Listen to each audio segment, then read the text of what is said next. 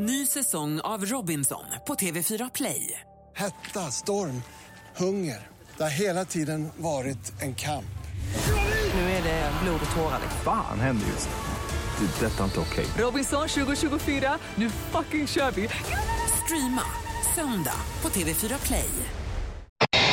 David Lagercrantz, tio böcker totalt säger du ungefär. Ja, lite för många skulle jag säga. men kan- några några ja. kanske jag hade behövt jobba lite längre med uppriktigt sagt, men ändå. Men kan du rabbla vilka böcker du har gjort, eh, ligger bakom? Före du den här sista boken som har tagit Sverige med storm så skrev jag en roman som heter Syndafall i Winslow om en engelsk matematiker som heter Alan Turing som egentligen skapade datamaskinen och var en stor krigshjälte. Men sen har jag ju då skrivit boken om Zlatan. Ja, och det är ju den vi alla känner till. Ja, den gör ju det Mest av precis. allt. Jag är Zlatan. Ja. Och du bodde, eller träffade Zlatan mycket, bodde du med honom ett tag eller? Nej, så långt gick Nej, vi inte att jag flyttade synd. in hos honom. Men nästan. Jag satt där på kvällarna och talade en fyra, fem timmar sådär och försökte vara lite terapeut och få honom att öppna sig. Ja, men var var detta? Var det i Ja, det var i? Milano framförallt Ja. och sen så ibland så när han inte hade tid, han var ju lite oseriös med författarskap som jag brukar säga ibland, för han skulle spela fotboll hela tiden, den jäveln var hopplös jävel. Men då var han snäll nog så jag fick åka hans privatplan och sådär och då satt vi och snackade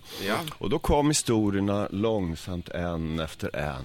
Men hur var det när du satt hemma hos honom till exempel med barn och med fru och sådär? Hur är han liksom? Är han i köket och bjuder på kaffe och fixar och donar? Nej men han är bra, han springer och undrar vad man vill ha hela tiden och sådär. Så han är fin med sina barn.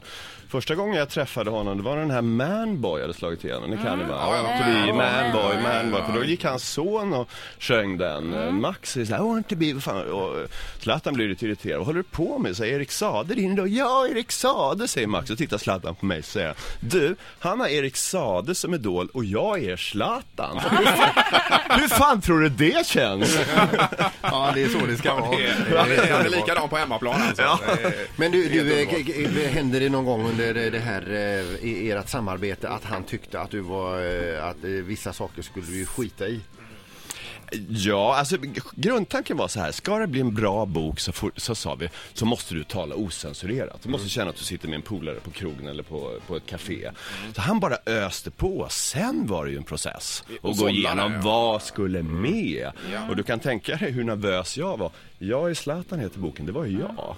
Det var jag som hade spelat Zlatan, eller hur? Jag hade Ja, ja, gått in i den här rollen, försökt hitta hans språk.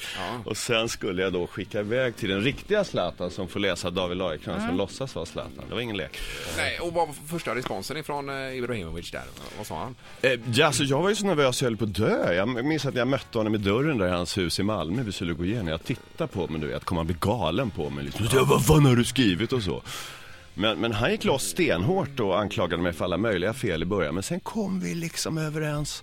Och sen efter en lång, lång process så fick jag ett mail från honom, ett sms från honom. Du vet, när Zlatan smsar, då går man igång. Så, oj, oj, jag måste svara på en gång sådär. Och då stod det, David, vi är klara nu, du har gjort ett grymt jobb. Ja, underbart. Och då kände jag, wow. Men jag tycker man läser boken så får man verkligen en helt annan bild av honom. För Ja, att eh, framförallt första halvan, det här med hur extremt tufft han har haft det ändå eh, som ung och uppväxten i Rosengård eh, och så vidare. Det, eh, man har bara hört talas om det men man fick det verkligen bekräftat att Och det den var här sånt. avsaknaden av, av en pappa som stod bredvid, eller på, vid fotbollsplanen, han var ju inte där. Nej. Och eh, ganska tuffa tongångar hemma hos morsan.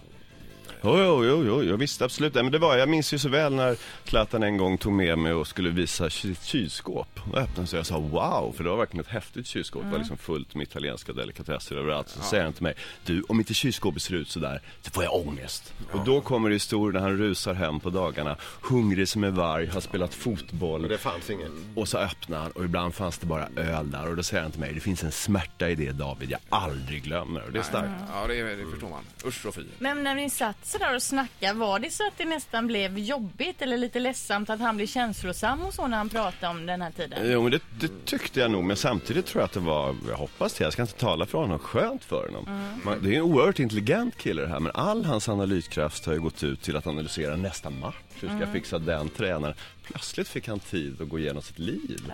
och det är faktiskt ganska skönt för oss alla va? Att plötsligt bara få lite. dra sin historia, jag undrar varför blev jag så här? För, för man får ju en känsla av att han, har- han tar revansch mot allt och alla. Eh, Var han än kommer i livet. Ja, ja, visst. Ja, det är otroligt intressant och spännande och eh, en välskriven bok såklart också, eh, David. Här. Vad är ditt nästa projekt nu då, efter det här? Ja, men nu, nu ska jag bli mig själv igen. Jag kan ju inte vara Zlatan hela livet. Så nu ska jag skriva en roman. Oerhört oslatan ska jag säga. Nu ska jag skriva en kärleksroman med massor med hjärta och smärta och sådär. Ja, men är det bara så att eh, då, då sätter du dig ner på kammaren och börjar någonstans eller har du en eh, idé någonstans här? I... Nej, nej, nej, nej, utan man går och grunnar hela tiden och så plötsligt får jag en idé och så sitter jag och sliter och så. Men problemet är ju nu när man har skrivit en bok som är Zlatan som är förmodligen den största succén i modern tid i Sverige. Då rusar man runt och så träffar man trevliga människor som er och sätter på sig hattar och sitter i intervjuer och är föreläsningar som man hinner ju knappt skriva. Nej, nej, nej. Nej. nej just det. Men, men Nej, samtidigt men- får man ge denna boken prestationsångest. Eh, Ja, alltså prestationsångest lider jag ganska svårt av i alla fall hela tiden. Även nu ska jag säga någonting begåvat och sådär. Men det är klart, jösses alltså efter den boken, hur ska jag överträffa detta? Så det är klart, jag sitter ju där och spänner mig. Ett poddtips från Podplay.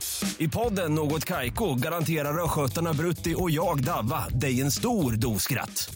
Där följer jag pladask för köttätandet igen. Man är lite som en jävla vampyr. Man har fått lite blodsmak och då måste man ha mer. Udda spaningar, fängslande anekdoter och en och annan arg rant. Jag måste ha mitt kaffe på morgonen för annars är jag ingen trevlig människa. Då är du ingen trevlig människa, punkt. Något Kaiko, hör du på Podplay. Därför arkadeinerna.